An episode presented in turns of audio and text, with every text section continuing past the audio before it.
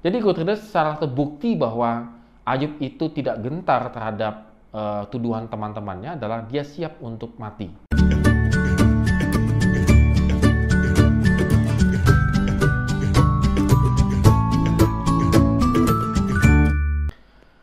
Shalom good readers, hari ini kita mengucapkan syukur karena Tuhan memberikan kita kehidupan dan kita bisa melakukan segala aktivitas kita.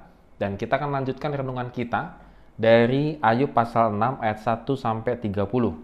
Ada 30 ayat, jadi tetap setia membaca firman Tuhan.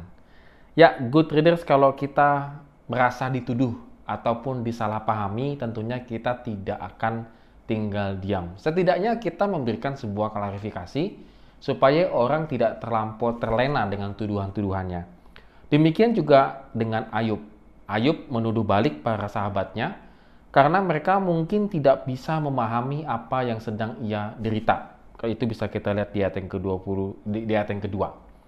Juga sikap dan komentar mereka memperlihatkan bahwa mereka lah yang sebenarnya gentar menghadapi satu penderitaan. Kita bisa lihat di ayat yang ke-21. Jadi eh, bagaimana Ayub itu menggambarkan ataupun mereka yang sahabat-sahabatnya melihat penderitaan yang, di, di, yang dirasakan oleh Ayub sebenarnya satu sisi membuat mereka sangat amat sangat ketakutan juga kegentaran itu terjadi.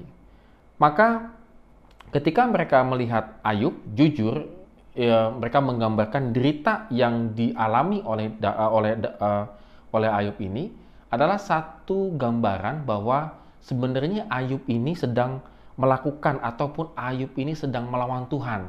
Cuma Ayub tidak sadar apa yang sedang dia alami karena mungkin di sisi yang lain Ayub itu juga memiliki banyak sekali kekurangan. Nah, oleh karena itu Ayub uh, menceritakan bagaimana keintegritas di dalam kehidupannya. Dan salah satunya adalah dia melihat tentang kematian. Nah, kematian bagi Ayub itu adalah sebuah kegirangan sebab ia tahu bahwa dirinya itu benar di ayat yang ke-10. Jadi uh, dalam kata-kata Ayub sendiri, ia tidak pernah meminta uang suap. Kemudian dia hidup dalam ke dalam uh, jujur ayat 25, tidak berdusta atau curang ayat 28 dan 30, saleh dalam hubungannya secara sosial masyarakat ayat 23 dan 24. Jadi kita bisa melihat bagaimana tentang moralitas, integritas dan juga spiritual daripada Ayub dia menerangkan bahwa dia hidupnya benar begitu ya. Dan kalau dia hidupnya tidak benar, maka dia akan bercerita tentang kematian itu adalah bukan suatu hal yang menggembirakan. Tetapi kematian itu bagi dia adalah suatu hal yang menggembirakan. Karena apa?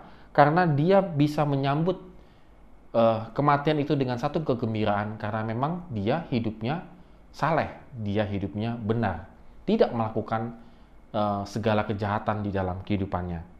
Oleh karena itu, Guterres dalam satu kalimat di ayat yang 24 dikatakan, Ajarilah aku, maka aku akan diam dan tunjukkan kepadaku dalam hal apa aku tersesat.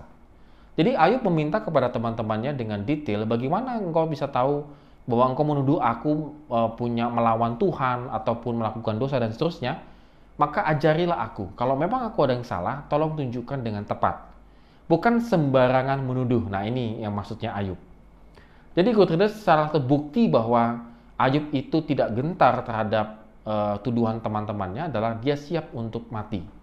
Dan siap untuk mati di sini bukan berarti mati konyol, tetapi dia siap untuk uh, mati berarti dia memang benar-benar hidupnya saleh di hadapan Tuhan. Dan kalau memang ada ketidaksalehan, maka silakan tunjukkan dengan hal apa aku tersesat artinya dengan jelas supaya tidak ada tuduhan-tuduhan yang palsu. Good readers pada hari ini kita kembali diingatkan ya bagaimana Ayub e, melawan tanda petik melawannya ya melawan ataupun menjawab daripada perkataan teman-temannya itu dengan integritas dirinya.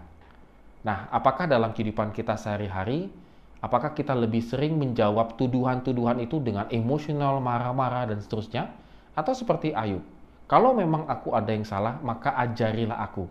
Kalau memang aku ada kekeliruan yang sangat fatal, maka tolong tunjukkan dengan tepat dan benar supaya aku tidak menjadi keliru. Kita hari ini belajar banyak hal daripada Ayub. Di tengah penderitaannya sangat sangat menyakitkan dan sangat menderita, dia masih mau siap untuk dikoreksi hidupnya. Lalu bagaimana dengan kita pribadi? Apakah kita termasuk orang yang siap untuk dikoreksi uh, hidupnya seperti Ayub? Dan kalau kita memang tidak melakukan hal-hal yang dituduhkan misalnya, pertanyaan berikutnya adalah apakah kita benar-benar sungguh-sungguh hidup di dalam Tuhan dan memiliki integritas?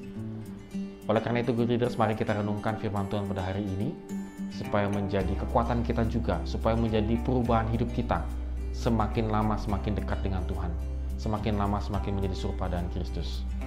Amin. Have a nice day and God bless us.